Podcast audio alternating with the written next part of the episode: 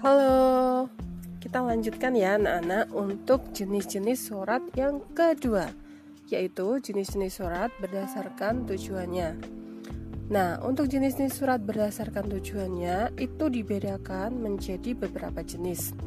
Ada surat permintaan penawaran Kemudian surat penawaran Surat pesanan Surat pemberitahuan Surat pengantar surat perjanjian, dan surat keputusan.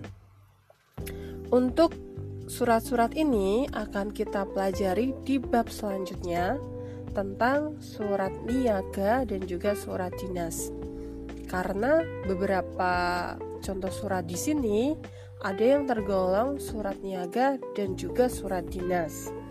Untuk contoh yang tergolong surat niaga, itu ada surat permintaan penawaran, surat penawaran, dan juga surat pesanan.